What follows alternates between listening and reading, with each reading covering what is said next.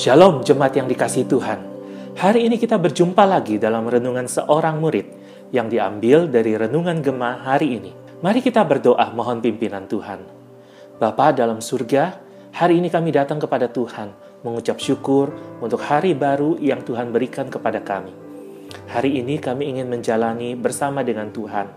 Kiranya Engkau yang memberikan kami kekuatan lewat firman Tuhan yang akan kami renungkan bersama-sama pagi ini, biar Tuhan menolong kami.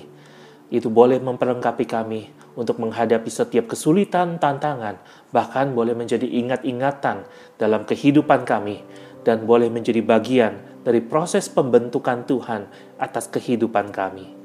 Besertalah dengan kami ya Tuhan. Di dalam nama Tuhan Yesus Kristus kami berdoa. Amin. Saya akan membacakan bagian Alkitab yang diambil dari Yohanes pasal 6 ayat 22 sampai 35.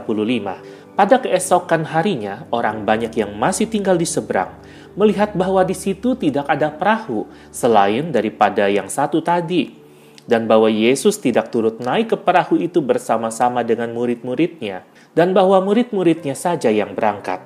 Tetapi sementara itu beberapa perahu lain datang dari Tiberias dekat ke tempat mereka makan roti, sesudah Tuhan mengucapkan syukur atasnya. Ketika orang banyak melihat bahwa Yesus tidak ada di situ dan murid-muridnya juga tidak, mereka naik ke perahu-perahu itu, lalu berangkat ke Kapernaum untuk mencari Yesus. Ketika orang banyak menemukan Yesus di seberang laut itu, mereka berkata kepadanya, "Rabi, bila mana engkau tiba di sini?" Yesus menjawab mereka, "Aku berkata kepadamu, Sesungguhnya kamu mencari aku bukan karena kamu telah melihat tanda-tanda, melainkan karena kamu telah makan roti itu dan kamu kenyang. Bekerjalah bukan untuk makanan yang akan dapat binasa, melainkan untuk makanan yang bertahan sampai kepada hidup yang kekal, yang akan diberikan anak manusia kepadamu. Sebab dialah yang disahkan oleh Bapa, Allah dengan meterainya.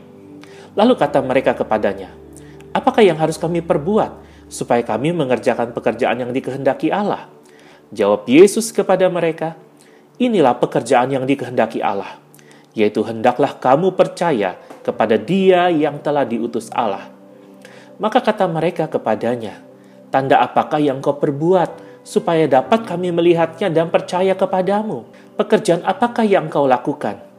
Nenek moyang kami telah makan mana di padang gurun, seperti ada tertulis, mereka diberinya makan roti dari sorga. Maka kata Yesus kepada mereka, Aku berkata kepadamu, sesungguhnya bukan Musa yang memberikan kamu roti dari sorga, melainkan Bapakku yang memberikan kamu roti yang benar dari sorga. Karena roti yang dari Allah ialah roti yang turun dari sorga dan yang memberi hidup kepada dunia. Maka kata mereka kepadanya, Tuhan, berikanlah kami roti itu senantiasa. Kata Yesus kepada mereka, Akulah roti hidup. Barang siapa datang kepadaku, ia tidak akan lapar lagi. Dan barang siapa percaya kepadaku, ia tidak akan haus lagi. Berbahagialah kita yang membaca, merenungkan, dan melakukan firman Tuhan dalam kehidupan kita setiap hari. Konteks bagian yang kita baca tadi adalah sebuah situasi di mana banyak orang berusaha untuk mencari dan menemukan Tuhan Yesus setelah ia memberi makan kepada lebih dari 5.000 orang. Bagian Alkitab sebelumnya menyebutkan bahwa Yesus pergi menyingkir dari hadapan orang banyak itu. Sebab mereka mengikut Yesus untuk menjadikan Yesus raja yang dapat memenuhi kebutuhan harian mereka. Yang menarik adalah orang banyak itu rela meninggalkan tugas harian mereka demi pengejaran mereka akan Tuhan. Namun ketika mereka berhasil berjumpa dengan Tuhan Yesus, Justru yang mereka terima bukanlah sebuah penghargaan ataupun pujian, tapi justru sebuah teguran. Mengapa demikian? Apa yang salah dengan orang banyak itu? Bukankah mereka mencari Yesus itu menunjukkan bahwa mereka mau berelasi dengan Tuhan? Apa yang keliru mengenai itu? Ternyata relasi yang utuh itu bukanlah sekedar untuk mendapatkan sesuatu, tapi terlebih untuk mengembangkan sesuatu. Inilah yang ingin Tuhan Yesus sampaikan kepada orang banyak itu. Ketika orang banyak itu berjumpa dengan Tuhan Yesus di Kapernaum. Dari bagian Alkitab yang sudah kita baca tadi, kita akan merenungkan tentang relasi yang seutuhnya. Relasi yang seutuhnya itu relasi yang seperti apa sih? relasi seperti apa yang Tuhan ingin miliki dengan kita, dan bagaimana kita seharusnya berelasi dengan Tuhan. Bagaimana kita bisa mengembangkan sebuah relasi yang utuh dengan Tuhan dan diperkenan olehnya. Ada dua hal yang saya mengajak kita untuk merenungkan bersama-sama. Yang pertama, relasi yang utuh itu karena ada pengenalan yang benar. Orang banyak itu mencari Yesus sampai ke Kapernaum karena mereka pernah dikenyangkan olehnya. Mereka mengenal Yesus sebagai guru besar yang dapat memenuhi kebutuhan hidup mereka. Atau mungkin ada yang berpikir bahwa biaya hidup bisa lebih murah jika bersama dengan Tuhan. Itulah yang menjadi teguran pertama Tuhan kepada mereka. Kamu mencari aku bukan karena melihat tanda, tapi karena kamu telah makan dan kenyang. Apakah pengenalan kita kepada Yesus Kristus saat ini hanya sebagai pribadi yang dapat memenuhi kebutuhan hidup kita? Yesus seperti apa yang engkau kenal? Apakah Yesus yang sanggup memberikanmu berkat harian, yang kalau engkau berseru kepadanya, maka ia akan memberikan segala sesuatu yang engkau inginkan? Apakah Yesus adalah pesuruhmu yang engkau minta untuk melakukan ini dan itu? Sejauh mana pengenalanmu akan Yesus, Juru Selamat itu? Apakah engkau mengenal Dia sebagai Tuhan atas kehidupanmu? Apakah kita mengenal Dia sebagai pribadi yang adalah sumber hidup itu sendiri? Pengenalan yang benar akan membawamu kepada relasi yang utuh. Hari ini, apakah engkau mengenal Yesus dengan cara yang benar? Bukan karena lihat tanda, bukan karena pernah dikenyangkan olehnya secara jasmani, tapi karena engkau mengenal Yesus, karena Dia adalah satu-satunya Tuhan dan Juru Selamat di dalam kehidupanmu. Engkau mau mengenalnya, engkau mau mengenalnya dengan cara yang benar, karena Ia mengenalmu dengan benar. Yang kedua, relasi yang utuh itu karena ada orientasi yang benar orientasi hidup orang banyak itu ternyata hanya sebatas apa yang dapat memuaskan jasmania mereka semata-mata. Padahal yang jasmani hanya sementara. Mereka bukan hanya perlu makanan jasmani, tapi juga makanan rohani. Tuhan Yesus menegur mereka karena orientasi yang keliru ini. Ayat 27 menyebutkan teguran Yesus bahwa kita harus bekerja bukan untuk makanan yang sementara, tapi untuk makanan yang bertahan sampai kepada hidup yang kekal.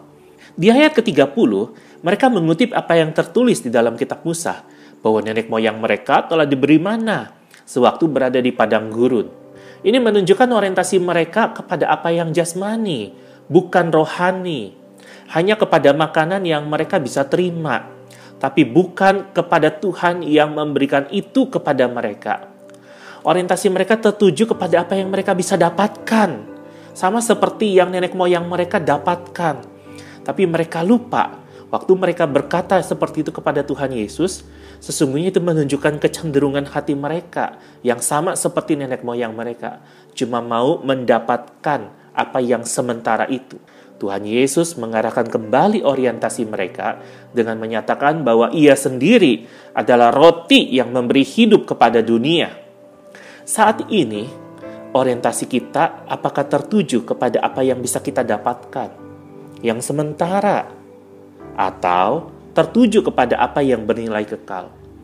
Bukan fokus kepada hal-hal materi, sandang, pangan, papan, tapi fokus kepada rencana Tuhan bagi kehidupan kita hingga kekekalan. Oleh sebab itu, ayo kita orientasikan hidup kita untuk hal-hal yang rohani, karena itu yang dikehendaki oleh Tuhan. Yang rohani selalu menopang yang jasmani.